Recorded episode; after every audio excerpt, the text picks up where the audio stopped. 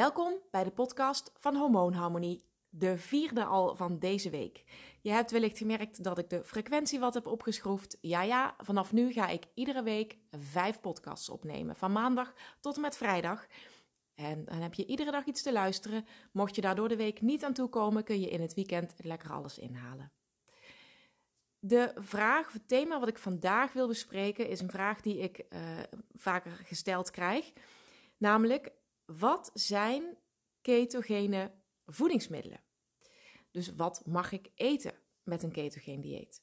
Nou, als ik daar een beetje flauw op antwoord, dan zou ik kunnen zeggen: alle voedingsmiddelen zijn ketogene voedingsmiddelen. En uh, daarvoor is het, om dat te begrijpen, is het belangrijk dat je begrijpt hoe um, dat nou precies in elkaar zit met een ketogeen dieet en waar die naam ketogeen dus eigenlijk vandaan komt. Ketogeen, ketogeen dieet, die naam is afgeleid van uh, het woord ketose. En dat is de metabolische toestand van je lichaam. En dat betekent dat je dermate weinig koolhydraten ter beschikking hebt op dat moment uh, om te verbranden en je lichaam van energie te voorzien, uh, zodat je lichaam vanzelf overschakelt van een suikerverbrander naar een vetverbrander. Dus je lichaam gaat in plaats van koolhydraten, omdat die er niet zijn, uh, vet als brandstof gebruiken.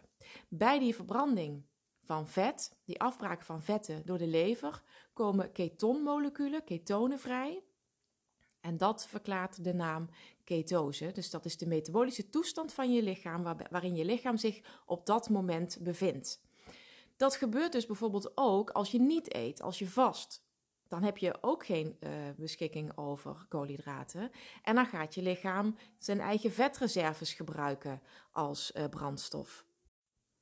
Dus vasten is ook een prima methode om uh, je lichaam in een toestand van ketose te brengen.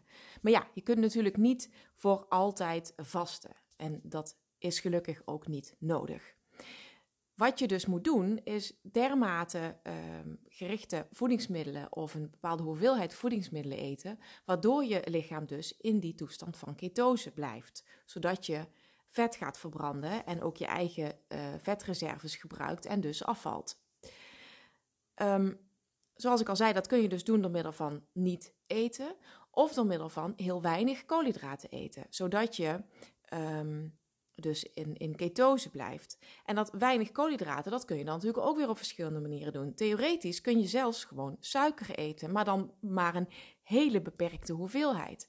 we geven als richtlijn um, maximaal 20 gram koolhydraten per dag te eten, zodat je lichaam in ketose blijft. Dus als jij minder dan 20, 20 gram suiker eet uh, op een dag, dan blijf je in ketose.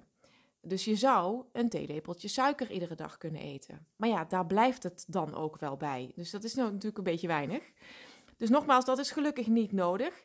Um, maar dat is dus eigenlijk de, de verklaring waarom ieder voedingsmiddel eigenlijk uh, een ketogeen voedingsmiddel is. Het gaat er dus om dat je uh, je lichaam van zo weinig koolhydraten voorziet dat je dus gebruik maakt van uh, vet als brandstof. Nou, en dan um, rekenen we dus met name uh, vlees, vis, uh, eieren en vetstoffen als olie en boter, maar ook noten en zaden tot, tot gezonde voedingsmiddelen. Maar natuurlijk aangevuld met groenten. En er zitten natuurlijk heel veel uh, gezondheidsvoordelen aan het eten van groenten. Maar die groenten zijn ook wel een beetje een valkuil. Dat is wel een, een, een voedingscategorie waar je ook een beetje moet uitkijken. Uh, er zijn natuurlijk ook groenten die over een grote hoeveelheid suikers of zetmeel beschikken. Een hele handige richtlijn eh, daarvoor is om in eerste instantie te kijken naar welke groenten groeien boven de grond en welke onder de grond. De groenten onder de grond bevatten meer zetmelen en meer suikers dan de groenten die boven de grond groeien. Dus dat is al een hele eenvoudige uh, richtlijn, een eenvoudig ezelsbruggetje, zodat je niet voor iedere groente hoeft te gaan opzoeken hoeveel gram koolhydraten iets bevat. Um, nou ja, als aanvulling daarop leek het me wel leuk om je een uh, top 10 nee, ik geloof dat ik er zelfs 12 heb, top 12 te geven van groenten die ik heel graag eet en die ik graag gebruik. Uh, niet altijd overigens tot blijdschap van mijn kinderen. Maar goed, het blijven kinderen. Uh, ik blijf het ze gewoon voorschotelen. En uh, zo langzaamaan wordt het vanzelf wel beter. Zij hebben ook hun favorieten, maar dat zijn niet altijd mijn favorieten. Zo is mijn zoon bijvoorbeeld dol op worteltjes. Maar ja, dat zijn dus weer groenten die onder de grond groeien. En die dus um, over het algemeen wat, hè, wat, wat meer uh, zetmelen en wat meer koolhydraten bevatten. Uh, dus ik zal zelf niet zo snel wortels eten, maar hij mag van mij iedere dag een, uh, een schaaltje worteltjes leeg eten. Daar heb ik helemaal geen problemen mee. vooral bij de kinderen um, denk ik dat, het, dat je het ook niet te strikt moet nemen. Die hebben sowieso nog wel hun koolhydraten, of kunnen ze goed gebruiken. Weet je? Die, die hebben natuurlijk een veel snellere stofwisseling, zijn ook lekker actief de hele dag. Dus um, die kunnen dat allemaal nog prima gebruiken. Die groeien nog. Uh, en dan bedoel ik met name in de hoogte en niet in de breedte. Dus uh, ja, ik ben al blij als de kinderen groenten eten. En daarbij neem ik het niet zo nauw of dat nou echt de groenten zijn met veel of weinig koolhydraten. Het is vooral belangrijk, denk ik, dat ze van alles blijven proeven, van alles blijven proberen. En hun, hun blik en hun wereld zoveel mogelijk verbreden. Nou, dan mijn top 12. Ik zal uh, mijn top 12 opnoemen, maar daarbij ook uh, proberen wat, uh, wat ideeën en wat inspiratie te geven, zodat je een ideetje hebt wat je daar dan mee kunt. Nou, als allereerste, um, omdat dat simpelweg bij de tijd van het jaar hoort, wil ik dan toch de asperges noemen. Ik kom natuurlijk uit Limburg, dus um, ze zijn hier uh, volop voorhanden. Uh, in deze tijd van het jaar, tenminste als het weer een beetje gaat meewerken, want het is nog wat magertjes momenteel. Uh, maar als straks de zon gaat schijnen, dan uh, steken die allemaal lekker hun koppen boven de grond. En um, dan zijn ze. dat is trouwens wel een mooie uitzondering, bedenk ik me nu. Witte asperges groeien natuurlijk wel onder de grond, maar zijn toch heel laag in koolhydraten. Dus dat is eigenlijk wat een leuke. Um, maar goed, witte asperges, groene asperges. Nou ja, je kunt er natuurlijk van alles mee. Wat ik heel erg lekker vind met witte asperges is gewoon de oude, traditionele Limburgse manier om ze te eten. En dat is met een gekookt eitje uh, en uh, gekookte ham uh, en um, een lekkere botersaus, of eigenlijk gewoon geklaarde boter. Zo ketogeen als wat. Dus geen uh, Hollandaise saus of iets dergelijks, of geen gebonden saus. En al helemaal niet uit een pakje of zakje, maar gewoon gesmolten boter. Is het lekkerste over je gekookte witte asperges.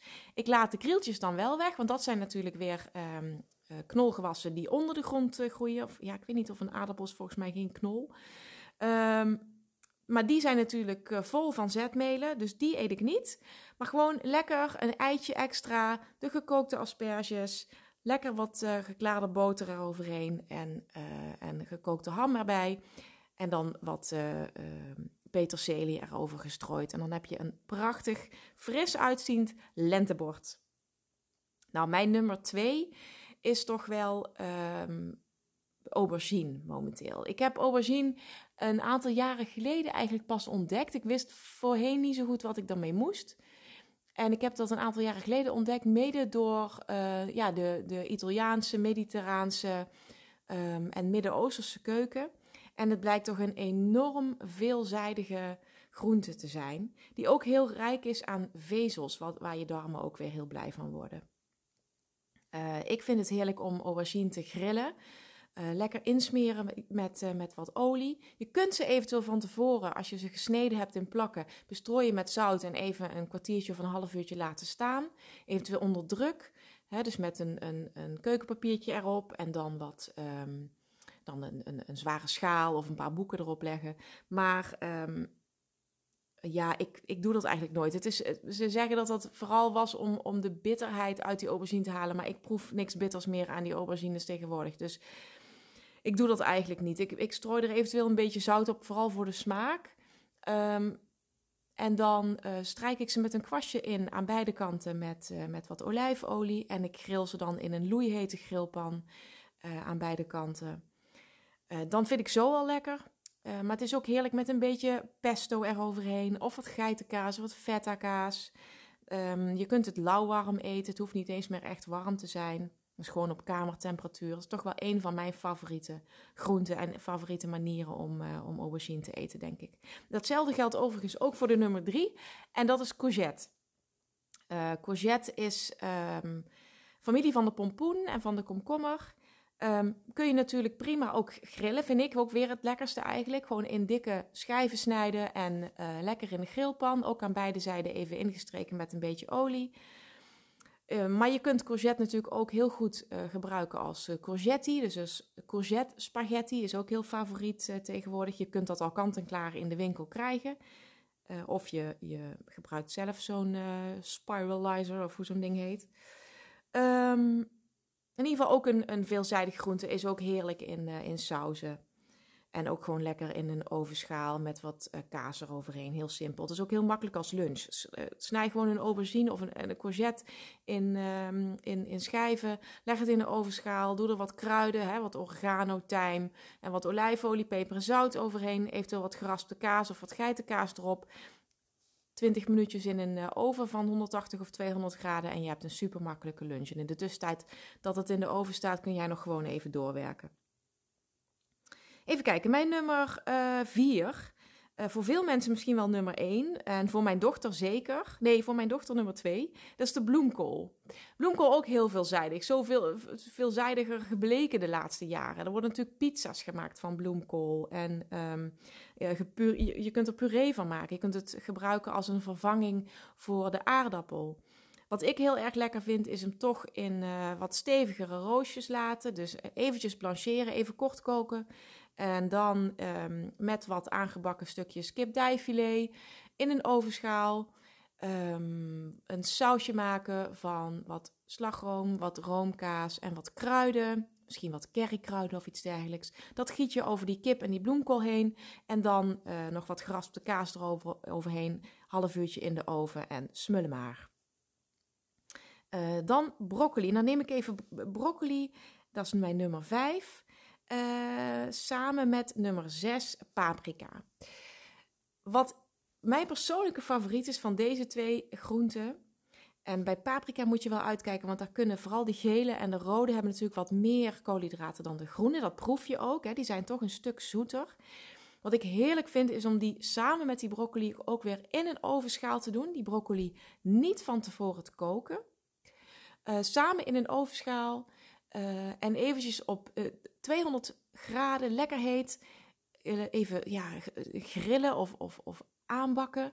En dan krijg je een soort. Uh, ik, ik, probeer daar eigenlijk de nachos mee na te bootsen. Dus wat ik doe, is een schaal vol met groenten, vol met paprika's en broccoli.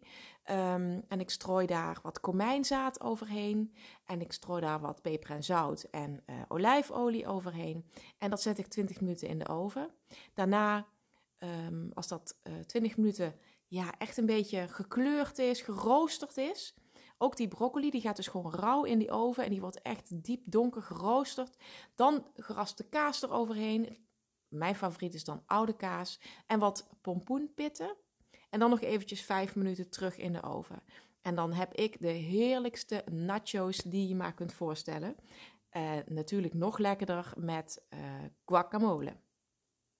En dat is dan de volgende favoriet en dat is avocado. Technisch gezien een fruit, want het bevat een pit, maar ja, wij beschalen het toch vaak onder de groenten. Avocado is natuurlijk uitermate geschikt, um, omdat het ook nog eens heel vetrijk is. Dus uh, het verzadigt goed, het bevat gezonde vetten. Um, en ook een hele veelzijdige groente. Je kunt er dus lekkere guacamole mee maken, maar uh, je kunt het ook uh, grillen of bakken in de oven met een, uh, met een eitje wat je in dat gat van die pit laat vallen. En dat eventjes in de oven zetten. Nou, ook super veelzijdig. Ook natuurlijk gewoon lekker als uh, rauw, als blokjes of schijfjes bij een gebakken eitje of in een salade. Nou, het is, het is een groente die ook meteen voor, wat ik zeg, die gezonde vetten, maar ook meteen voor verzadiging zorgt. Dus um, heb je bijvoorbeeld voor, ben je op zoek naar een lunch die je mee kunt nemen naar je werk, die toch ook goed moet verzadigen. Dat je dus niet de mogelijkheid hebt om, om, om, om ter plekke iets op te warmen of zo, dan zou je heel goed een salade mee kunnen nemen waar ook avocado in zit. Even kijken, dan uh, een absolute favoriet van de kinderen is toch wel tomaat. En zij houden niet van rauwe tomaat, ik wel. Maar tomatensaus, ja, welk kind houdt er nou niet van tomatensaus? En alles wordt lekker in tomatensaus. Groenten worden lekker in tomatensaus. Vlees wordt lekker in tomatensaus. Kip wordt lekker in tomatensaus. Vis wordt lekker in tomatensaus. En tomatensaus is ook met heel veel verschillende kruiden en specerijen te combineren. Dus dat maakt het ook zo, uh, zo makkelijk moet er wel een beetje mee uitkijken, want tomaat is ook wel weer een groente die, uh, ondanks dat die toch boven de grond groeit, net als uh, paprika's, toch ook wel een groente die relatief veel um, koolhydraten bevat. Um, maar goed, zolang je niet zes dagen in de week tomatensaus eet, is er volgens mij niet zoveel aan de hand. Uh, even kijken, de volgende op het lijstje. Uh, oh, dat past dan eigenlijk wel weer bij die tomatensaus. Bij mij is spitskool. Of kool. Uh, met kool kun je een heleboel. Hè, je, kunt, kunt koolbladeren bijvoorbeeld gebruiken om pakketjes te maken. Waar nog andere groenten of vlees of vis in zit. wat ik recentelijk eigenlijk pas heb ontdekt, is spitskool gebruiken als vervanging van noedels of vervanging van pasta. Dus ik snijd een spitskool in uh, twee helften over de lengte. En vervolgens snijd ik die helften dan allemaal um, in, in reepjes. Uh, waarmee je een soort tagliatelle-achtige structuur krijgt. Die spitskool die bak ik dan even in een pan, stoven, bakken zou je het kunnen noemen. Met dus een beetje boter, wat peper en zout, eventueel nog wat andere kruiden. Bak het even aan, doe het deksel op de pan. Eventueel één of twee eetlepels water erbij deksel op de pan en eventjes 10 minuten laten, laten stomen in dat vocht en in die boter. Even omroeren en je hebt een fantastische pasta vervanger. Wat natuurlijk weer heerlijk is met die tomatensaus waar we het zojuist al over hadden. Met bijvoorbeeld gehaktballetjes erin of iets dergelijks. Nou, dan de absolute topfavoriet van mijn dochter, dat is komkommer. Ze eet er het liefst 1 à 2 per dag. De komkommers zijn hier echt niet aan te slepen. Uh, komkommer in Nederland vaak gegeten als rauwkost. Is natuurlijk ook heerlijk, ook voor een uh, borrelhapje. Of als je nog, toch nog om rond een uur of vier wat trek krijgt. Uh, neem gewoon wat stukjes komkommer, eventueel met, een, um, met wat blokjes kaas erbij. Uh, of een, of een, of een, een mayonaise dipsausje of iets dergelijks. Wat je in Azië veel ziet, is dat komkommer juist als warme groente gegeten wordt. Uh, komkommer wordt daar ook veel geroerbakt. En dat is ook weer lekker in combinatie met bijvoorbeeld de broccoli die ik eerder noemde en wat champignons. Um, nou, zelfs ook avocado zou je nog mee kunnen nemen. En dan wat, uh, wat, wat kipdijfilet bijvoorbeeld. Wat sojasaus eroverheen. Uh, knoflook erbij. En je hebt een heerlijk Japans gerechtje. Even kijken, de volgende op mijn lijstje. Uh, ja, dat had ik even ges gesmokkeld, want anders kwam ik niet uh, op die mooie 12 uit. dat is eigenlijk spinazie slash sla. Eigenlijk alle slaasoorten, alle groene slaasoorten uh, zijn natuurlijk prima. En spinazie is er daar één van. Spinazie is natuurlijk prima te eten als salade. Maar ook heerlijk in een tomatensaus. Maar ook heerlijk in bijvoorbeeld een omelet. Spinazie en ei is ook een gouden combinatie. Dus in een omelet als ontbijt. Of in een frittata, eventueel nog met wat spekblokjes erdoorheen en wat kaas eroverheen als uh, makkelijk avondeten. Ook prima groente. En dan als laatste but not least, een van mijn persoonlijke favorieten, maar daar maak ik de kinderen niet zo blij mee, dat zijn spruitjes. Mini kooltjes eigenlijk, spruitjes. Nou ja, goed, ze zijn vooral in de winter verkrijgbaar. Ik weet niet eens of ze momenteel in de winkels liggen. Uh, spruitjes zijn voor mijn gevoel niet meer zo bitter als dat ze vroeger waren. Um, en toch ook wel relatief hoog in, uh, in koolhydraten. Zo'n 5, uh, 5 gram per 100 gram uh, dus 5 gram koolhydraten per 100 gram spruitjes. Nou, dat klinkt als niet veel, maar ten opzichte van al die andere groenten die ik zojuist opnoemde, is dat wel veel, want de rest zit zo ongeveer tussen de 1 en de 3. Um, maar nog altijd minder dan uh, de knollen en de aardappels en de wortels die onder de grond groeien. Ik wil overigens nog wel een uitzondering maken um, bij de uien, uien en knoflook, die natuurlijk wel onder de grond groeien. Ehm, maar uien, ja, het is in die zin een groente die hoog aan uh, koolhydraten is. Hè, 8 gram per 100 gram uien. Dat proef je ook als je uien eventjes uh, gaat, uh, gaat bakken. Dan, dan karamelliseren ze ook echt. Dan worden ze ook echt zoeter van smaak. Dus um, ook daarbij geldt weer vooral die hoeveelheid. Dus is technisch gezien um, een ui uh, een, een, een groente die past binnen een ketogeen dieet. Als je die als hoofdgroente zou nemen, wellicht niet. Want dan zit je al snel aan je maximum. Maar je gaat geen 200 gram uien naar binnen werken per persoon. Dat raad ik je niet aan. En vooral ook je huisgenoten niet aan. Vooral voor de volgende dag. maar um, een uitje kan natuurlijk prima om in een gerecht te verwerken. Het is natuurlijk een heerlijke smaakgever. Dus daar is absoluut uh, niks mis mee. Rode uien bevatten overigens iets minder uh, koolhydraten weer dan, uh, dan witte of gele uien.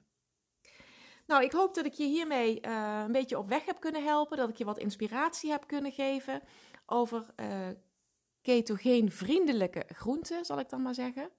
Um, in het Keto Kickstart Magazine, wat je vindt op de website van Hormoonharmonie. Daar staat een voedingslijst met eh, allemaal voedingsmiddelen die goed passen binnen een ketogeen dieet. En in het magazine staan ook eh, 10 recepten eh, die je kunt uitproberen als je eens wil kijken of het ketogeen dieet bij je past. Bedankt weer voor het luisteren en tot morgen.